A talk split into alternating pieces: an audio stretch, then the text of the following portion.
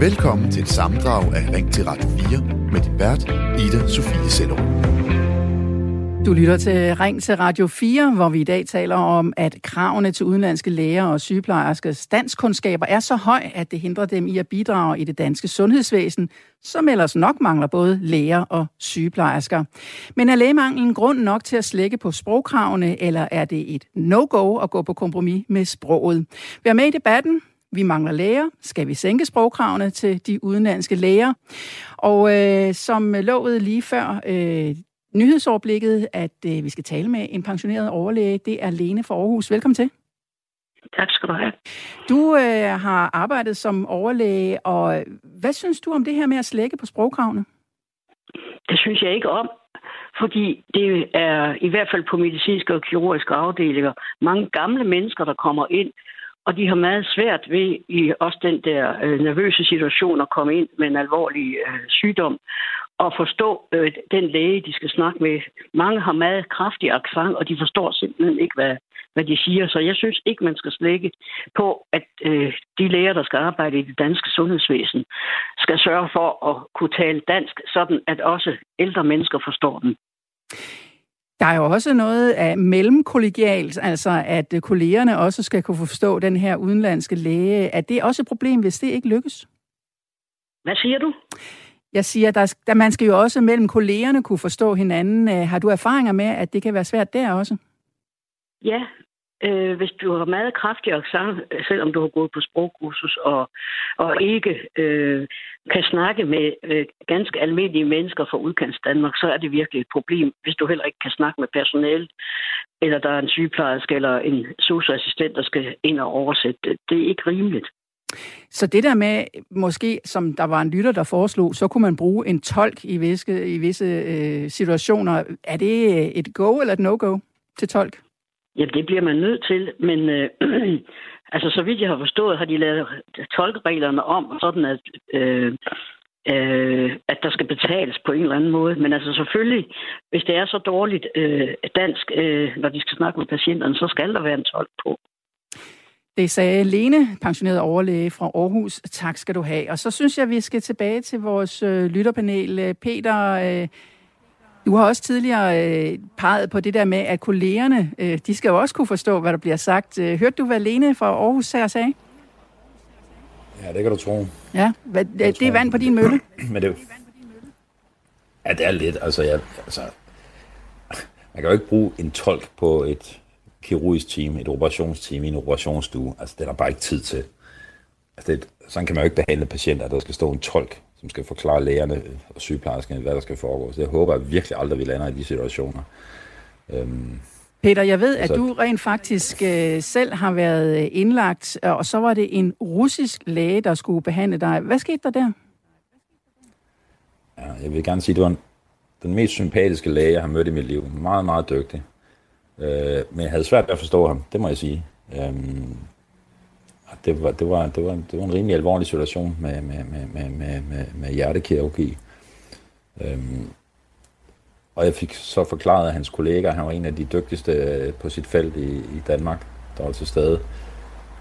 Og meget, meget sød og sympatisk mand, men jeg havde godt nok svært ved at forstå ham, og hvad det var, han ville gøre ved mig, og hvilken behandling jeg skulle udsættes for. Øh, det, ja, det, det var næsten som, at det gik igennem en tolk, før jeg forstod, hvad det var, der skulle ske. Og øhm, det, var, det, var en, det, var, det var en mærkelig situation, og jeg, jeg, jeg kunne godt lide manden, men jeg forstod ikke, hvad han sagde. Hvad gjorde det, hvad gjorde det ved din uh, tryghed i den situation? Ja, nu er jeg rimelig robust over for sådan noget, så det kunne jeg godt klare. Men jeg kunne sagtens forestille mig andre mennesker, som ville blive rigtig utrygge ved, at de ikke forstod et ord af lægens dage. Men men altså, nu, nu kan jeg faktisk selv nogle få russiske gloser, så jeg kan faktisk godt forstå lidt russisk. Men, men, men, men stadigvæk, det var, det, det var lidt utilfredsstillende. Øh, men, men han, på den anden side, han arbejdede i systemet, så han må have fået 10 karakterer, altså han må have klaret den. Og så kunne han jo ikke være der. Så, og øh, han var jo en kapacitet inden for sit område. Så. så øh, når du så skulle vælge mellem faglighed eller øh, sprogkundskaber, hvad, hvad valgte du så lige der? Ja, men den er jo svær. det er jo, men lige der vælger man selvfølgelig fagligheden, ikke? Fordi selvfølgelig vil man gerne behandles af den dygtigste læge fagligt. Altså, det tror jeg alle gerne vil. Og, og, og, og, og skal man udsættes for en operation, og er man i narkose, så taler man jo heller ikke med lægerne, vel? Nu taler vi selvfølgelig også kun om, om, om hospitalslæger og sygehuslæger. Vi taler jo ikke om privatpraktiserende læger, for eksempel, hvor det også hvor det er en helt anden problemstilling. Men, men, men, men det er klart, at selvfølgelig vil man gerne behandles af en dygtig læge, der kan sit fag. Og det er ikke altid, man har så meget behov for at tale med dem. Men nogle gange har man altså. Vi skal også lige øh, høre Allan fra Bjerringbro. Øh, det her med øh, sprogkundskaberne, også kollegerne imellem på sygehus eller på lægeklinikker osv., er, det, er det vigtigt, at de også kan tale sammen? Jamen, det er det. Jeg, jeg, synes, det, jeg synes, det er rigtig... Øh, altså, jeg, jeg kan også grine lidt af, hvis der skulle stå en tolk over, over en operation. Øh, hvis der sker noget akut, så er der en, der lige skal tolke, før man kan komme videre i, i programmet. Der, der tænker jeg bare, at det er enormt vigtigt, at man... Øh, at man har sit team sat op til det. Så, øh, så, så det kunne være et krav, man stillede og siger, nu har den her læge og hans øh, eller hendes øh, sprog øh, øh kan være en udfordrende i forhold til forstående, det er jo så at gå ind og sige, hvad er det for et team, vi har? Hvor, hvor kan der være et match hen i det her? Øh, kan vi slå over på russisk, og de kan forstå det, eller kan vi slå over på engelsk, og, så vi kan have en, øh, en god og hurtig øh, proces i, i, i, i, hvad der kunne være akutte situationer. Øh, så ja, jeg er da helt enig i, at der skal, altså forståelse og kommunikation er enormt vigtigt. Vi har også fået en øh, sms fra Erik, der skriver, at man kunne også allokere de læger med udenlands baggrund til de patienter med tilsvarende udenlands baggrund, og eventuelt også matche dem med engelskkundskaber til de patienter, der er ok med engelsk. Etniske danskere, der kun kan forstå dansk, kan så, kan så blive allokeret til de danske læger med udelukkende dansk baggrund, skriver Erik. Så er der Annette fra Marieløs, der skriver, i forbindelse med min mands undersøgelse og senere stråling for prostatakræft på Rigshospitalet, havde vi en rigtig vigtig samtale med en læge, som vi praktisk taget ikke forstod ret meget af. Ærgerligt, for samtale fremmer forståelsen. Vi og politikere i al almindelighed må drage omsorg for, at unge mennesker vil bidrage til opretholdelsen af vores snart eroderede velfærdssamfund, skriver Annette fra Marie Løst. Det er super dejligt, at I skriver ind. at vi når så mange sms'er, vi kan. Du kan også skrive ind til 1424, eller du kan gribe telefonen og ringe ind på 72 30 44 44. Og øh, nu skal vi lige høre, hvad, øh, øh, hvad patienterne siger til det her. Velkommen til dig, Niels Jørgen Langkilde. Tak for det.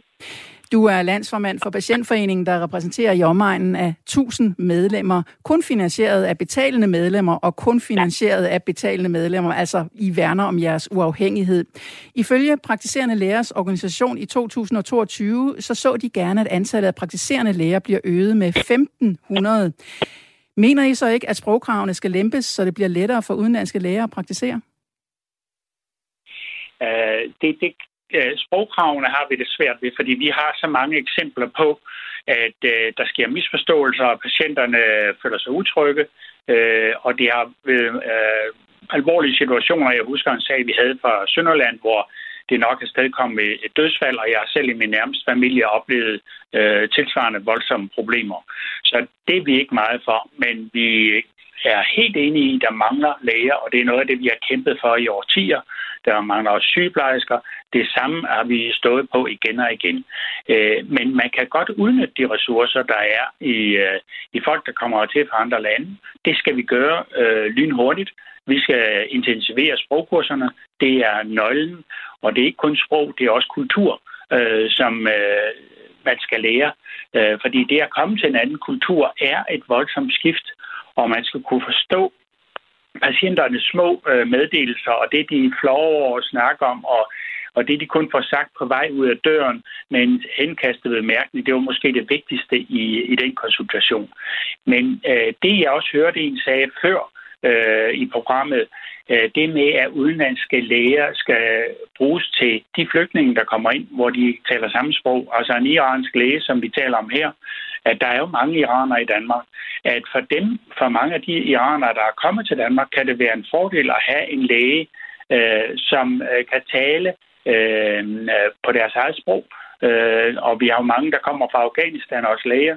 Jamen lad dem hjælpe hinanden på den måde, og lad dem sluse ind i, i systemet, sådan at de holder deres øh, færdigheder ved lige. Fordi der er jo heller ikke nogen, der har lyst til at have en læge, der ikke har snakket øh, og dyrket sin lægegærning i mange år. Øh, det giver også en risiko. Det er jo et fag, hvor man skal holde sig assur øh, og læse op. Så det er også vigtigt. Så vi skal tænke på, at det er ikke kun sprog, det er også kulturen, man skal forstå. Men... Og vi skal have de her folk i gang så hurtigt som muligt. Niels Jørgen Langkilde, hvad kan man ellers gøre for at komme den her lægemangel til livs? Ja, man kan simpelthen sætte i gang i at få uddannet nogle flere. Øh, altså mere kompliceret er det jo ikke. Altså, og det skulle man have gjort for mange år siden. Nu er der kommet lidt forlig, øh, hvor det er, at øh, der bliver øh, uddannet lidt flere læger, og man påstår, at der bliver en meget stort overskud af læger om, øh, om en del år. Øh, lad os håbe, det er sådan, fordi det skal være sådan, at patienterne har noget at vælge imellem. Det skal jo gerne være sådan, at ligesom hvis vi er utilfredse med Føtex eller brusen, jamen så går vi i Rema 1000 eller øh, et, øh, i brusen, ikke? Øh, sådan at man kan stemme med fødderne. Det skal man også kunne i sundhedssystemet, men vi kører med et monopolsystem, hvor, hvor der ikke er så meget valgfrihed, hvor man får et tilbud, og, og, og det er det, og det må man tage. Og hvis man så står over for et tilbud, der er af en læge, man ikke forstår, så er man jo i den grad i en øh, krisesituation. Så vi skal tænke på patienterne, og sprogkravet skal vi ikke sænke, øh, men vi skal prøve at få dem ind på anden måde og få uddannet dem. Fordi der er jo nogle ressourcer, som vi ikke bruger, og øh, alle er jo enige om, at vi mangler læger, så er det om at få dem i gang. Sådan sagde Niels Jørgen Langkilde, landsformand for Patientforeningen. Tak fordi du var med her. Vi kan også lige øh, tage et oprids af noget af det, der skal til for som udenlandsk læge at få autorisation i Danmark. Det er nemlig sådan, at man skal øh, tage tre prøver i dansk. Den ene, den er, den er både mundtlig og skriftlig, og øh, man skal have i mundtlig kommunikation en karakter på 10, altså den næsthøjeste karakter. Øh, læseforståelse, der skal man have karakteren 7, og skriftlig fremstilling, der er det også karakteren 7. Og det er det, som øh, den her iransk anestesilæge, han øh, siger, det er altså lidt for høje sprogkrav at stille. Øh, han mener, at flere udenlandske læger ville kunne komme ind og, og praktisere i det danske sundhedsvæsen, hvis man sænkede de her sprogkrav en smule. Vi skal også øh, lytte øh, eller høre, hvad Charlotte på 54 år fra København har at sige, der er med her på linjen. Øh, velkommen til, Charlotte. Goddag, goddag og tak. Du øh, synes ikke, det er i orden, at man lemper sprogkravene. Hvorfor ikke? Fordi der er de her sprogbarriere, så, og man bliver utryg som patient. Har du erfaring med det? Det har jeg, ja. Øh, jeg har et, øh, et sygdomsforløb bag mig, øh, hvor jeg har stiftet bekendtskab med i hvert fald tre læger undervejs, hvor der har været sprogbarriere. Øh, der har været en russisk, og der har også været en, og en, en, øh, en, en, en thailandsk læge. Øh, og så kan jeg faktisk ikke huske den sidste, men jeg ved, der var tre. Og dem havde du svært ved at forstå? Meget, ja. Meget. Og jeg var i en situation, hvor jeg var altså meget utryg og bange. Øh, og så blev det ligesom ikke bedre af, at jeg ikke kunne forstå. Men Charlotte, det kunne jo have været, at du skulle have ventet længere tid endnu, hvis ikke de her læger de her var inde i, i sygehusvæsenet. Hvad ville du så sige til det? Hmm. Ja. Det ville jeg jo heller ikke synes særlig godt om. Jeg, øh, jeg formåede i en af situationerne at sige, at jeg simpelthen ikke forstod, og at jeg havde brug for, at der kom en tolk ind og hjælpe mig med at forstå. Og det fik jeg. Og hjalp det på hele situationen? Det gjorde det. Mærkbart. Bestemt. Meget, ja. Men var det ikke også sådan, hvad skal man sige, en lidt gumbetung situation så? Ikke for mig. Det kan, jeg kan selvfølgelig ikke udtale mig på andres vegne, og, og heller ikke på, på den læge, der nu var omkring mig med tolk. Men for mig, der hjalp det meget. Du lytter til Radio 4 hvor vi i dag taler om, hvilke penge, der skal bruges på at betale for genopbygningen af den ukrainske havneby Mykolaiv. En by, som Danmark allerede inden krigen er slut, har taget ansvaret for at få på fod igen. Og hvis vi lige skal sætte nogle ord på øh, byen Mykolaiv, så ligger den i det sydøstlige Ukraine ved en flodmunding ud til Sortehavet. Under normale omstændigheder bor der en halv million ukrainere i byen. Byen er en af Ukraines vigtigste havnebyer med en stor tradition inden for skibsbyggeri. Af den grund er det Danmark, der som søfartsnation har stor ekspertise og erfaring med at designe skibe og havneområder, er blevet udpeget til at lede arbejdet med genopbygningen af byen. Nå, tilbage til pengene. Det er nemlig dem, der er omdrejningspunktet i debatten her i Ring til Radio 4. Hvor skal de komme fra? Udenrigsminister Jeppe Kofod har allerede for flere måneder siden lagt op til, at nogle af pengene skal tages fra 17,4 milliarder kroner, som er sat af til at hjælpe ulande med, med at udvikle sig og veste sig fri af fattigdom på længere sigt. Og netop i de her minutter, der holder Jeppe Kofod sammen med erhvervsminister Simon Kollerup doorstep, som det hedder, om planen for genopbygningen af Ukraine. Hvad de får præsenteret, kan vi vende tilbage til, øh, hvis vi når det inden dagens program er slut. Lige nu, der spørger jeg dig, der lytter med. Skal vi bruge penge, som ellers skulle være brugt på ulande til at genopbygge en havneby i Ukraine? Du lytter til Radio 4. Og en sms, en lang en af slagsen, er netop tækket ind fra Jesper. Han skriver, Ukraine er Europas fattigste land og formentlig på vej til at blive endnu fattigere. Formentlig på niveau med mange såkaldte udviklingslande i Asien, Afrika og Sydamerika. Bistandsudviklingspuljen har netop til formål at støtte den type lande, således at deres befolkninger ikke emigrerer, men at landets samfundsstrukturer styrkes. Hvis man mener, at der er for lidt penge i puljen til også at indbefatte Ukraine, så skal puljen da gøres større. Men man skal da ikke begynde at lede efter penge andre steder. Det giver jo ingen mening, at der skal være forskel på udviklingslande i Europa og andre steder, skriver Jesper. Rikke, øh, vi er tilbage i lytterpanelet. Rikke, hvad siger du til det, at man bare skal øh, bruge pengene også på Ukraine? Det har du i hvert fald hidtil været modstander af. Øh, jeg skal lige have det en gang til, Charlotte. Jamen, øh, det, er, det er Jesper, en øh, lytter, der har skrevet ind, og han mener, ja. at øh, puljen, bistandspuljen, den skal bruges også til Ukraine, fordi at det er et øh, land, som også er meget fattigt og øh, har brug for at få udviklet sine samfundsstrukturer, samfundsstrukturer hedder det. Øh, derfor ja, synes han, ja. at man skal bruge Men... pengene derfra også. Jamen altså, jeg kan jo godt se, at det giver jo også Danmark en kæmpe fordel, hvis en af vores nabolande er udviklet, så ved vi, det fremmer handel, og vi ved, det kommer os selv til gode.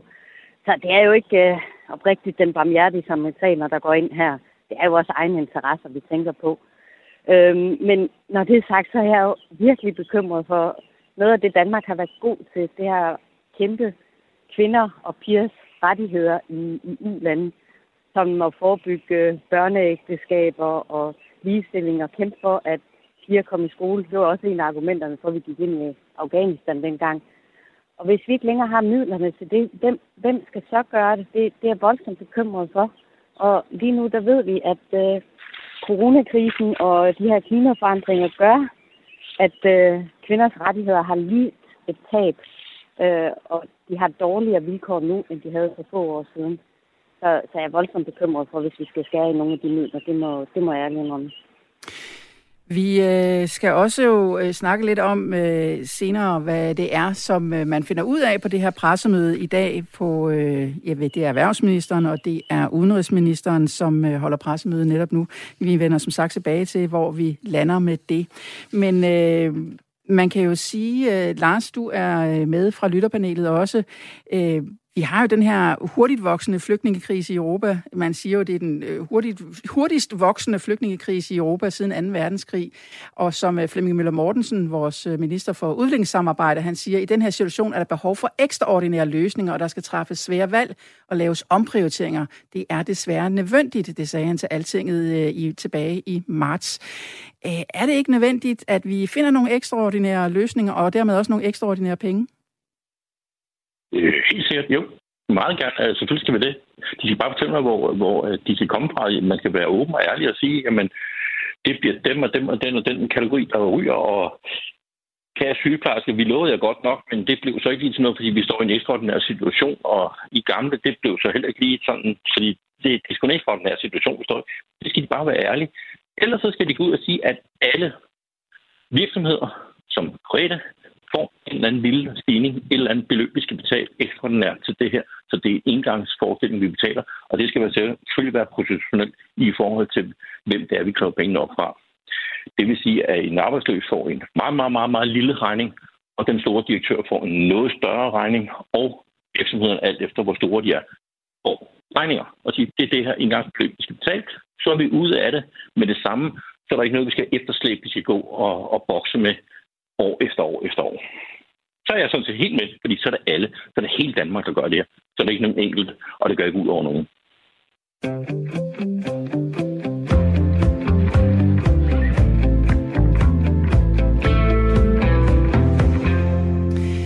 Når Danmark på et tidspunkt skal hjælpe med at genopbygge det krigsramte Ukraine, specielt havnebyen Mykolaiv, hvordan skal vi så finansiere det? I går åbnede udenrigsminister Jeppe Kofod op for en del af pengene endnu en gang kunne komme fra udviklingsbistanden. Danmark har nemlig allerede taget et par milliarder fra puljen til udviklingsbistand til at dække udgifter til de ukrainere, der er flygtet her til landet. Rasmus Stor Jacobsen, du er administrerende direktør i Kære Danmark, der er en grøn udviklings- og nødhjælpsorganisation. Hvor god en idé synes du, det er at tage penge fra puljen, der ellers skulle hjælpe ulande med at komme ud af fattigdom? Jamen tak fordi jeg må være med. Altså, jamen, det synes jeg åbenlyst jo er øh, drønhammerende ærgerligt, og det er det selvfølgelig først og fremmest, fordi at det så på den måde bliver verdens allerfattigste mennesker, der kommer til at betale den regning for genopbygningen i Ukraine. Altså udviklingsmidlerne, den danske bistandshjælp, øh, er jo tænkt til verdens at hjælpe verdens øh, allerfattigste og mest sårbare mennesker rundt omkring i, øh, i verden, i, i Afrika og, og Asien og andre steder. Så det er klart, at, øh, at jo færre penge de får, jo færre, øh, jo mindre kan vi også gøre. Og så oven i købet, så er det jo også en befolkningsgruppe, der ligesom alle os andre rundt omkring i verden kan mærke, at prisen, priserne på alting stiger. Men hvor slemt står det til øh, i for eksempel Afrika, at øh, de mærker prisstigninger? Jamen, det står rigtig slemt til, altså, øh, og, og jeg tænker, vi kan jo alle sammen også her mærke det på pengepunkten øh, på forskellige måder. Ikke? Vi kan mærke, at fødevarepriserne stiger, vi kan mærke, at transport og benzin, øh, dieselpriserne stiger, og, og det gør de også alle andre steder i verden. Så for de mennesker, der i forvejen jo øh, har kun meget, meget lidt, så er det klart, at de her meget, altså de her skub, selvom de jo kan, kan, kan være sådan relativt små, men kan, kan have meget stor betydning. Altså en, en småbønde, en småbonde, undskyld, i, i Afrika, øh, kan være meget afhængig af, at, øh, at der ikke er for store udsving på sådan noget som benzin eller diesel for eksempel. Og det kan jo være det, der gør forskellen på, om Halle, når hun ligesom kan fortsætte med at dyrke, dyrke sine afgrøder eller ej. Så vi oplever jo allerede, at der altså er smålandbrug, der bliver øh, nedlagt, og folk migrerer mod byerne. Øh, så der er sådan en, en tendens der, som virkelig bliver forstærket af de stigende fødevare- og transportpriser. Men vi har jo blandt andet hørt om øh, de her historier om, at der er en masse korn fra Ukraine, som øh, ikke kommer ud i verden, og blandt andet heller ikke til, øh, til Afrika. Vil det så ikke hjælpe, hvis pengene fra udviklingsbestanden øh, kan hjælpe hurtigt til at få genopbygget havnebyen, så, så de igen kan skibe hvede til Afrika? Jo, det kan man selvfølgelig sige, men jeg tror, altså for det første, så tror jeg, at vi skal regne med, at der kommer til at gå noget tid før, at genopbygningen sådan for alvor kommer i gang. Altså jeg tror, der er jo allerede sådan set en, en, en vis genopbygning i gang i Ukraine, som mestendels bliver taget og, og udøvet sådan af de lokale myndigheder og lokale organisationer. Men der kommer altså til at gå øh, rigtig, rigtig lang tid, inden at, hvad kan man sige, sådan den store, tunge genopbygning kommer ind, altså hvor vi kommer ind og får fat sådan omkring den dybe infrastruktur. Og det har jo simpelthen at gøre med, at, øh, at før Øh, det ligesom kan, kan lade sig gøre, så skal der jo være nogle garantier for fred og sikkerhed og stabilitet i de her områder. Dels så, så virksomhederne kan arbejde der, men selvfølgelig også sådan, at tingene ikke bare bliver ødelagt igen, og man, og man har tabt en masse penge. Og det er ikke der, vi er endnu. Så uanset hvordan vi ligesom kigger på, på, på det, så kommer der stadigvæk til at gå lang tid, før den del, øh, før den del af genopbygningen kan gå i gang. Der er jo her i 2022 cirka 17,4 milliarder i puljen for udviklingsbistand. Øh, der er allerede taget 2 milliarder. Hvad vil der ske, hvis man ender med at tage endnu flere penge fra puljen? Helt konkret. Jamen, øh, helt konkret, så skal man jo sidde og kigge på den del af finansloven, som har med udviklingsprojekter at gøre, og så skal, der, og så skal man jo sidde i Udenrigsministeriet og sortere i, hvad er det så for nogle udviklingsprojekter, hvad er det for nogle nød, nødhjælpsindsatser rundt omkring i verden, vi så ikke vil gøre alligevel. Øhm, og der må jeg altså jo simpelthen sige, det, det er jo simpelthen noget, altså sådan, man sidder der med papiret foran sig, hvad koster projekterne, og så simpelthen skal have sat nogle minuser. Øh, for i den forstand er det jo et nulsumspil. Altså, der er ikke flere penge end det, der er, og de penge, der er, de er jo sådan set allerede committed, siger vi. De er ligesom allerede planlagt. Der er allerede organisationer eller øh, nødhjælpssituationer, der er tiltænkt de her midler, som så ikke kan få dem alligevel. Så i det hul, øh, der tror jeg roligt, man kan sige, at der, øh, der vil folk jo komme til at lide under det. Øh, de steder i verden, hvor man så ikke kan, kan lave de aktiviteter alligevel. Tak skal du have, Rasmus Stur Jakobsen, administrerende direktør i IKEA Danmark, fordi du var med her.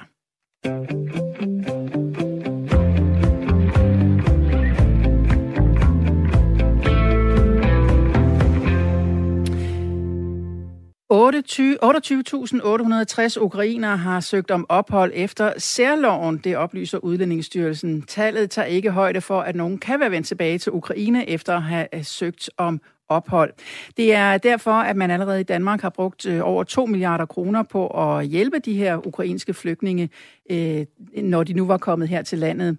Og de der 2 milliarder, de er så taget fra udviklingsbistanden øh, og i stedet for at blive givet til verdens fattigste. Loven og finansieringen her blev vedtaget af Folketinget trods hæftig debat og stor modstand fra støttepartierne, som forsøgte at fremsætte beslutningsforslag med en anden finansiering. Men lad os øh, tage en hilsen fra Bjørn, der skriver, udviklingsbistanden til Afrika er penge, vi hælder i et bundløst hul. Det hjælper ikke, og pengene lander ofte hos øh, kleptokratiske styre, hvor de i øvrigt skaber en øh, citament for ikke selv at gøre noget. Nødhjælp er til gengæld noget helt andet. Afrika skal hjælpes med frihandel og kapitalisme, ikke med blind bare at give dem penge, mener Bjørn. Ina øh, har skrevet ind, hun øh, mener, at hvis vi samler ind hvert år til Ukraine, lige præcis som vi gør til kraftens bekæmpelse og til Dansk Røde Kors og til en masse andre øh, humanitære organisationer, så når vi til sidst de millioner øh, til Ukraines havn, tænker Ina. Du lytter til Radio 4. Og så skal vi øh, tilbage til vores øh, lytterpanel, Rikke. Øh, vi øh, hørte her øh, Rasmus Stur Jacobsen, som mener, det er helt galt at tage pengene fra udviklingsbistanden i princippet for linje med, hvad du også synes. Men, øh, men han mener simpelthen, at øh, der skal findes flere penge andre steder. Hvor skal vi finde de penge henne? Ja, altså nu er jeg jo også sygeplejerske, og jeg ser jo også ind i, at, øh, at vi allerede har et enormt stramt øh, budget. Og det, det er jo også bekymrende, hvis man tænker ind i, at øh, vi skal tage det fra sundhedssektoren, fordi de lider allerede gevaldigt. Altså, jeg tænker jo, at vi skal prøve at, at tænke vores økonomi lidt anderledes. Prøve at sige, kan vi sætte vores forbrug ned, fordi vi ved, det her overforbrug, vi har i Danmark og i Vesten i særdeleshed, at det, øh, at det påvirker klimaet enormt negativt. Så kunne man gå ind og sige, jamen de her ting, som påvirker klimaet allermest, at man ligger en afgift på det, det er jo sådan noget, jeg vil være fortaler for. For at prøve at sige, kan vi bremse vores forbrug lidt, og dermed også passe lidt på klimaet, og så øh, finansiere midlerne på den måde. Men, men kunne man ikke sige, at ved at genopbygge havnen i Ukraine hurtigt, øh, så kan man også hurtigere få skibet for eksempel hvide øh, til de afrikanske lande, som, øh, som måske lider hungersnød? Jo, helt sikkert. Helt sikkert. Men øh, det er jo ikke kun det. Og det er, er jo netop det, ikke at lære dem at, at klare sig selv, at de skal være afhængige af europæisk hvide. Så der synes jeg jo, man skal tænke lidt anderledes. I stedet for at give dem billig hvide, så give dem udviklingsmidler, så de selv kan producere og selv blive selvforsynende. Det er da også meget mere øh, ja, klimamæssigt rentabelt, at vi ikke skal fragte korn på tværs af kontinenter. Så, og så tænker jeg, vi ved, at, øh, at blandt mask Mærsk havde et kæmpe overskud på grund af covid. Man kunne jo godt høre, om de vil give et enkeltstående bidrag til det her, fordi de jo selv også vil komme til at bruge den her havn på sigt. Altså, det kunne jo godt være, at der er nogle af dem, som faktisk kommer til at skulle bruge den her havn og profitere af det, at de vil øh, gå ind og give et bidrag til det. Tak skal du have, Rikke. Og øh, så øh, kan jeg se, at der lige er kommet øh, en øh, pressemeddelelse fra det her doorstep, eller pressemøde, om man vil, øh, mellem øh, det er udenrigsminister Jeppe Kofod og det er erhvervsminister Simon Kollerup, der har øh, været i gang med et pressemøde siden klokken halv 10. Og øh, her fremgår det af pressemeddelelsen, at regeringen har nedsat en offentlig-privat partnerskab, som skal undersøge, hvordan Danmark bedst kan, øh, hvordan Danmark bedst kan bistå Ukraine i genopbygningsarbejdet. Det er en indsats, som Ukraines præsident øh, Volodymyr Zelensky har efterspurgt. Partnerskabet skal blandt andet forholde sig til de økonomiske muligheder ved genopbygningsarbejdet og kigge på, hvordan danske virksomheder i samspil med blandt andre internationale fonde, internationale aktører med videre kan bidrage til genopbygningen bedst muligt. De skal også undersøge danske virksomheders mulighed for at komme ind på det øh, ukrainske marked og øge øh, samhandlen mellem, øh, med Ukraine, herunder ved at fremme dansk eksport til Ukraine. Lars, øh, det er altså det sidste nye fra øh, Udenrigs- og, øh, og Erhvervsministeriet, der lyd, forlyder her. Hvad siger du til den øh, oplysning?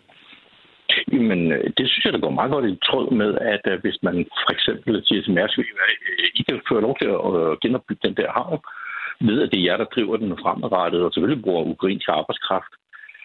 Og, øh, og, men, men det er Mærsk, der finansierer den, og derefter er det deres, øh, dem, der har hovedrettighed over havnen. Jamen, så er det da en ren win-win. Så er det Mærsk, der får noget ud af, at de betaler regning, og sygeplejersken kan stadig øh, få øh, mere i løn.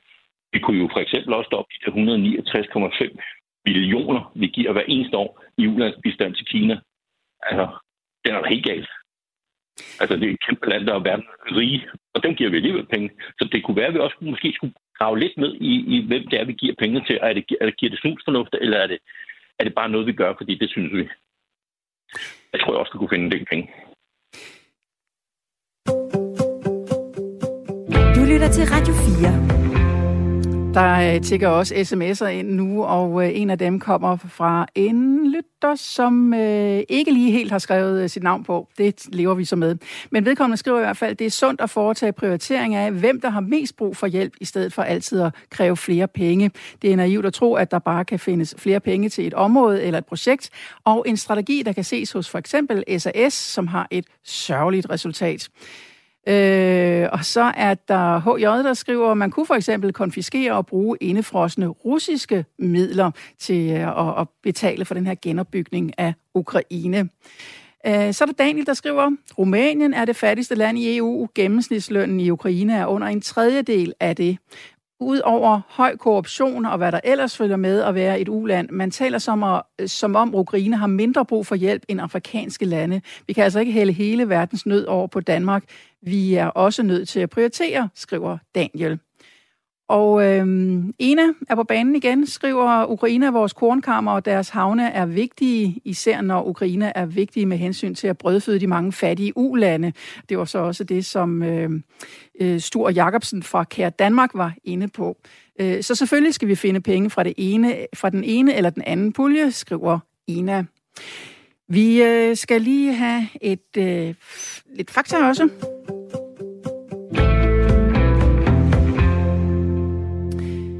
Fordi vi snakker jo om øh, det her antal øh, kroner, eller euro, eller dollars, eller hvilken øh, valuta man nu vil øh, vælge at bruge, hvad det kommer til at koste.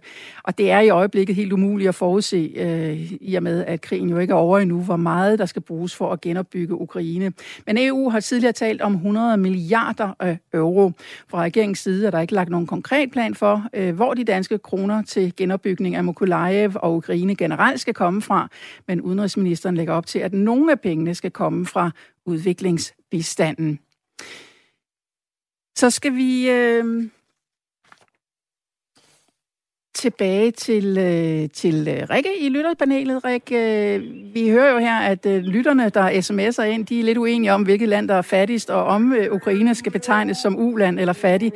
Hvad synes du? Kan vi godt betegne øh, Ukraine på linje med et uland, eller, eller er de tilstrækkeligt rige til, at øh, det burde kunne lade sig gøre at finde andre penge end netop øh, udviklingsbistandspenge? Jamen, jeg mener godt, vi kan finde andre penge. Altså, vi har jo set, hvordan Europa har løftet øh, de østeuropæiske lande, sådan som Polen for eksempel, og de baltiske lande. Og jeg mener jo, at det, at øh, de er et potentielt medlemsland nu er kandidat til det, at øh, jamen, så ligger det faktisk i de midler, som vi inden for Europa giver der til at løfte hinanden i fællesskab. Så jeg synes da klart, at vi skal arbejde hen imod, at øh, Ukraine bliver medlem af, EU, og dermed også får del i, i de midler, der er.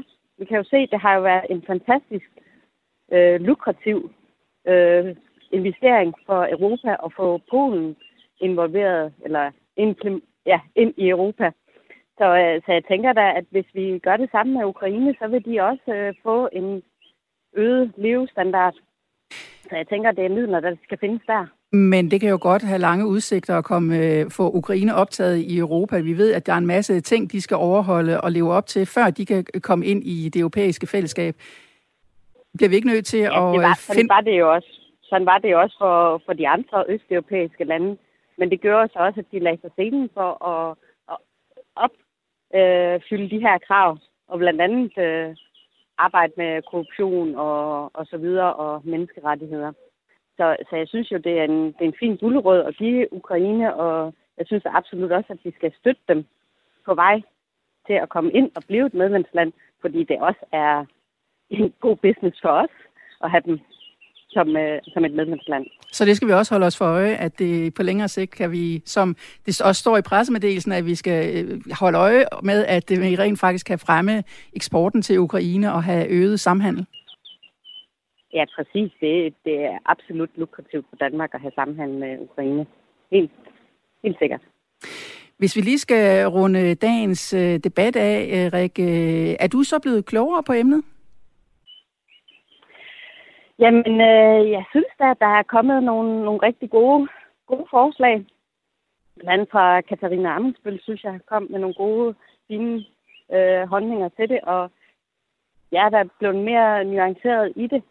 Øh, men jeg er stadigvæk enormt usikker på, hvad er det for nogle øh, udviklingsmidler, som bliver taget fra, når vi nu blandt andet har taget de første 2 milliarder af de 17. Det er en relativt stor procentdel. Hvor er det så mere, vi skærer? Det, det er jeg ikke nogen klogere på, og det, det er der ret nysgerrig på at høre om. Ja, og, og man kan sige, det ved vi jo heller ikke endnu, eftersom vi ikke ved, hvor mange penge øh, man vil tage fra, fra den pulje endnu, øh, og, og i hvor mange år man vil øh, tage penge fra puljen, hvis man vil fortsætte med det. Øh, tilbage til dig, Lars. Også, øh, er du, øh, hvad har du fået ud af debatten i dag? Og jeg synes, jeg, jeg fornemmer øh, på, på mange af de der øh, sms'er, du læser op for, for lyttere, at, at, at stemningen er ligesom, at Ukrainer skal altså også klare sig selv, og det er ligesom erhvervslivet, der skal drive det her øh, fremad. Og det er ikke bare øh, at sige, at vi skal bare finde pengene uanset hvad, og øh, fokus er penge, der, og der er ikke nogen, der fortæller, hvor de kommer fra, men vi skal bare gøre det, fordi det, det, det kan man altid sige. Så jeg synes, at jeg har lært af, eller erfare her, at at danskerne er faktisk det hold, at øh, det er erhvervslivet og frivillighed, der skal drive det her øh, og få det fremad. Og jeg er sikker på, at øh, store virksomheder, øh, nogle pensionsselskaber, vil bygge huse i etagebyggerier sådan i Ukraine igen bagefter, så er det dem, der har det, udlejer det og kan se en forretning af det, og ukrainerne kan få nogle øh, gode nye boliger til en billig penge. Så jeg tror, at erhvervslivet i princippet selv kan bære det her frem for, at vi bare skal øse penge ud og, og sige, at det skal vi i Danmark betale. Er der nogle, øh, nogle af de øh, mennesker, der har været med her i dag, som har gjort dig lidt klogere på, på tingene? Nej, men ikke, ikke af de øh, eksperter, du har haft inde på, altså en NGO, eller ham der fra, nu kan jeg ikke huske, Kære Danmark. Ja, Danmark. Det er jo klart. Altså, man skal jo selvfølgelig sige, at han synes, det er en dårlig idé, at man tager det for det. Det, det er jo hans øh, hverdag. Det forstår jeg udmærket godt, at man gør det. Men jeg synes, lytterne har været... Det var jeg meget overrasket over, at der er så mange, der er på det hold, at, at vi, de ligesom skal trække det rundt til, og erhvervslivet skal være med. Så, øh, så, så, det, så... Det, det synes jeg er meget, meget tankevækkende. Så din konklusion øh, efter den her times debat? Jamen det er, at, at erhvervslivet skal sammen med regeringen sætte sig ned og, sige, og sammen med ukrainske regeringsfølge og finde noget, øh, øh, Øh, finde en løsning på, hvordan gør man det her. Altså blandt andet skal Mærsk gå ind over til havnen. Vi genopbygger den. Det, vi driver havnen bagefter og ansætter folk på Ukraine igen. Det skal selvfølgelig ikke være udlandsk arbejdskraft. Men, så det gavner Ukraine, men jeg tror, det er erhvervslivet sammen med staten og sammen med ukrainske regering, der skal sætte sig ned og løse det her. Og det gør muligvis også, at korruptionen bliver en lille smule mindre, end at der bare kommer enormt fulde penge op på Danmark og siger, det finder I selv ud af, gutter. Lytter til Radio 4. hvor vi i dag taler om antallet af partier, der stiller op til Folketinget. Ved det kommende folketingsvalg, som skal afholdes inden vi når 4. juni næste år, er der allerede fire helt nydannede partier at stemme på og under forudsætning af, at Danmarksdemokraterne, øh, og det er under forudsætning af, at Danmarksdemokraterne får bekræftet deres vælgerklæringer, øh, og det gør vi, det ved vi mere om i løbet af de kommende dage, men der er en forventning til, klar forventning til, at Inger Støjbergs nye parti kommer på stemmesedlen. Det betyder, at den rekord, vi havde ved det seneste valg i 2019, hvor vi vælger at skulle vælge mellem 12 partier, nu er slået. Hele 15 partier skal vi forholde os til, når vi går til folketingsvalg næste gang. Og øh, toppen, den øh, kom på folketingsvalget i 1987, hvor der var 16 partier. Så det er altså første gang øh, siden dengang, at vi er så langt oppe. De fire helt nye partier, det er Danmarksdemokraterne med Inger Støjberg i spidsen. Det er Moderaterne med Lars Løkke Rasmussen i spidsen. Så er det Frie Grønne, hvor Sigandar Sigdik sidder og øh, Veganerpartiet med Henrik Windfeldt. Og så forsøger kristendemokraterne sig igen med at komme i Folketinget. Jeg taler i øvrigt med den fungerende formand for partiet lige om lidt. Et parti, hvor man ikke giver op. Kristendemokraterne har ikke været i Folketinget siden 2005, hvor de røg ud, men de har troligt stillet op ved hvert valg lige siden. Jeg synes, vi skal øh, have vores øh, lytterpanel på banen. Bente og Søren, øh, velkommen tilbage her. Jeg kunne godt tænke mig at høre jer. Nu øh, lyttede I til øh, valgforsker Johannes Andersen for Aalborg Universitet. Øh, altså det der med spærregrænsen, øh, skal den sættes op, Bente? Det synes jeg egentlig godt, den kunne. Fordi det kunne måske, måske er der noget, der tyder på, at den er for lav. Men hvor højt skal det, den så det, sættes op? Ja, det skal jeg ikke kunne give et bud på. Det må være nogle andre, der går ind og, og vurderer det og, og prøver at sammenligne med, med andre lande. Men ingen tvivl om, at, at øh, lige nu er det for let. Og så altså også i forhold til, at man, man så reelt kan sige, at de stemmer, øh, de bliver jo nemt spildt, hvis, hvis man kommer ind med, med, med og kun lige kommer ind med den der øh, spær, på spærregrænsen der, så er der måske heller ikke så mange, der stemmer på en. Så går de stemmer bare spildt. Det er da ærgerligt. Søren, øh, vi hører jo også, at øh, Danmark, der har vi den her spærregrænse på 2%, men andre lande omkring os har en højere spærregrænse. Sverige og Norge har spærregrænse på 4, og Tyskland på 5. Skal vi have hævet den der spærregrænse i Danmark, eller ligger den til pas? Altså, jeg, jeg synes helt klart godt, at vi kan se til vores øh, naboer, øh, f.eks. i Sverige, hvor den er 4, øh, eller til Tyskland, hvor den er, er 5. Jeg synes øh, også, at det har lidt et skær, at der, der er nogle levebrødspolitikere, øh, som øh, ikke øh, er 100% enige med deres eget parti, og ikke måske kan få deres vilje, og så starter de bare et nyt parti. Øh, fordi så, så har deres eget parti, kan bestemme det hele selv. Øh, så det synes jeg lidt, vi har, vi har set her på det seneste, at der har været nogle partier, som, øh, at nogle politikere, der, der, øh, der, der sådan, de vil gerne fortsætte deres politiske arbejde, så startede bare et parti. Øh, og Søren, der er faktisk øh, lyttere på, øh, på sms'en, der er helt enige med dig. Øh, Henrik Ørn, han skriver, sæt spærregrænsen op til fire. Og øh, Lars Madsen, han skriver, demokratiet er truet af alle dem, der ikke kan få sin vilje og bliver løsgængere og øh, finder partier. Det er rent til grin, skriver Lars. Så der er øh, rygdækning også øh, fra nogle af lytterne der. Men hvis vi nu går i den anden grøft, så har vi jo lande som Tyrkiet, hvor spærregrænsen er 10 procent, hvilket gør det rigtig svært for nye øh, uetablerede partier nogensinde at få bare en tosspids indenfor. Og i USA har de de her to lejre, republikanerne og demokraterne at vælge mellem. Er det en ønskelig retning?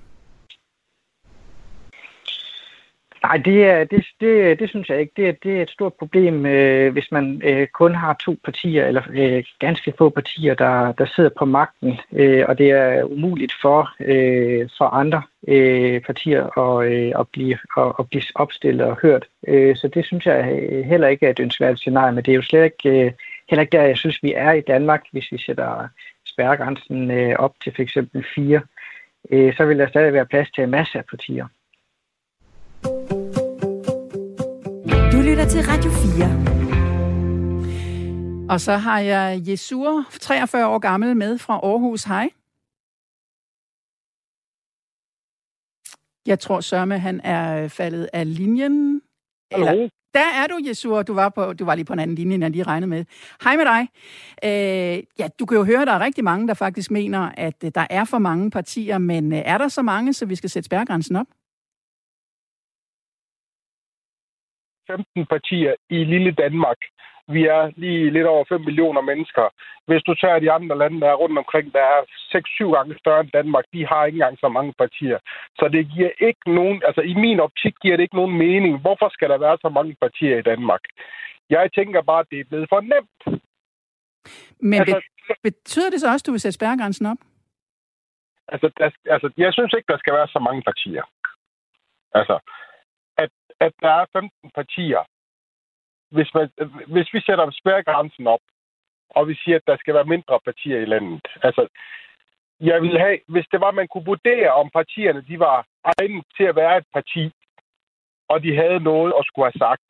Altså, jeg kan give et eksempel. Eksempelvis så har vi noget, der hedder Veganerpartiet, der, der også skal til at stille op. Altså, det giver mig ingen mening. Altså, hvad bliver det næste så? Skal jeg så åbne et uh, parti, der hedder Vindmøllepartiet? Øh, eller skal jeg åbne noget, der hedder Mercedespartiet? Øh, altså, folk bestemmer jo selv, om de vil være veganere, eller de vil spise kød, eller de ikke vil spise kød.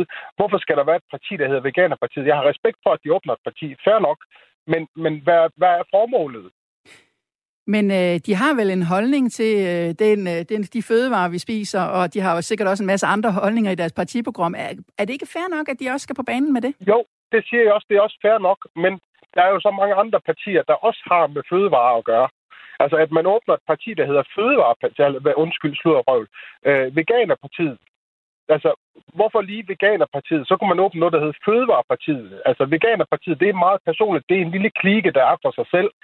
Jeg har al respekt for veganere. De styrer det fuldstændig selv, hvad de vil spise, og det er derfor, jeg siger, at folk har deres egen holdninger og meninger til, hvad de vil spise og hvad de ikke vil spise. Et veganerparti, det er kun én decideret gruppe, som ikke spiser andet end vegansk mad. Øh, og når man så vender den rundt til det økonomiske, så ved vi jo alle sammen, at alle priser i Danmark, det er jo sten, og det er blevet skyhøjt. Øh, men lønnen, den er ens. Så folk, de tjener det samme, men de skal betale mere. Og der ved jeg, at vegansk mad, eksempelvis, det er noget dyrere end almindelige øh, folk. Øh, altså, det er ikke, fordi de ikke er almindelige, men, men hvad, hvad, hvad normalt kost, det koster. Så det, hvorfor... Det er jo øh, måske en, en påstand i hvert fald, men øh, i hvert fald, Jesur, tak for dit input. Øh, du vil gerne have færre partier, og det er der rigtig mange af jer, der både skriver og ringer ind, der gerne vil. Øh, der er i hvert fald en hilsen her fra Pierre på 63 fra København, der skriver, ja, der er alt for mange partier i Danmark. Mange har det samme program. Vi har brug for færre og større partier, der har større indflydelse. Man burde sætte spærregrænsen op, så det er svært at komme i Folketinget, øh, skriver Pierre.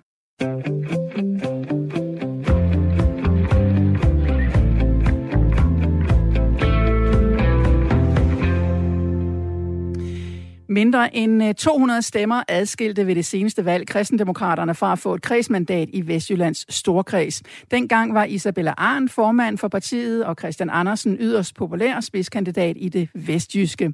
Han, gen, han genopstiller ikke, og øh, Isabella Arns har forladt partiet. Derfor er du nu fungerende formand, Marianne Karlsmose. Velkommen i programmet. Tak for det. Hvad betyder det for jeres parti, at både Lars Lykke og Inger Støjberg har meldt sig på banen med hver deres nye parti?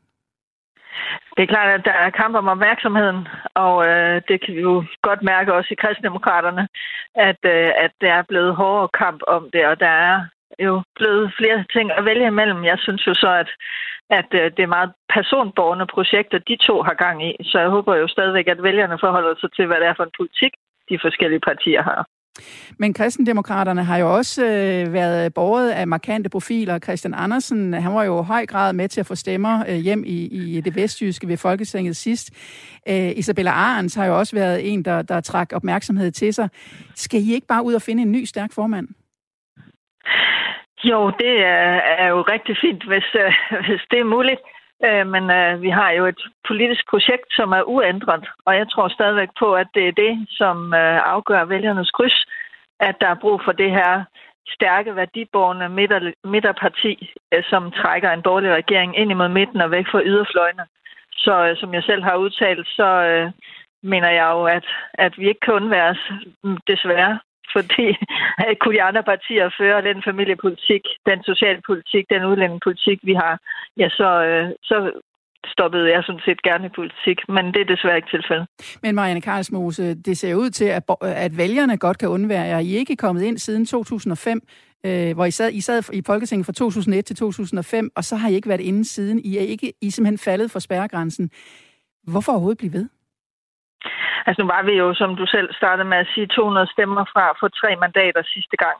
Øh, så jeg bliver ved, fordi jeg mener, der er brug for os, fordi vi har brug for menneskeværd, vi har brug for værdighed, vi har brug for frihed og bæredygtighed, vi har brug for de kristne værdier ind i politik. Og det er derfor, jeg bliver ved. Jeg, jeg gør det ikke, fordi jeg gerne vil have en karriere i politik. Jeg gør det, fordi jeg mener, at det, det vi står for, ikke kan undværes.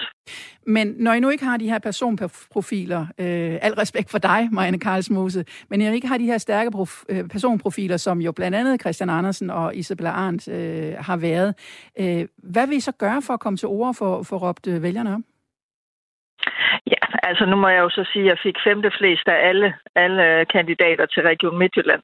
Så øh, det er ikke, fordi jeg ikke kan samle nogle stemmer heller selv, og vi har andre kandidater også. Men det er rigtigt, vi har ikke den form for profil, som Inger Støjberg er.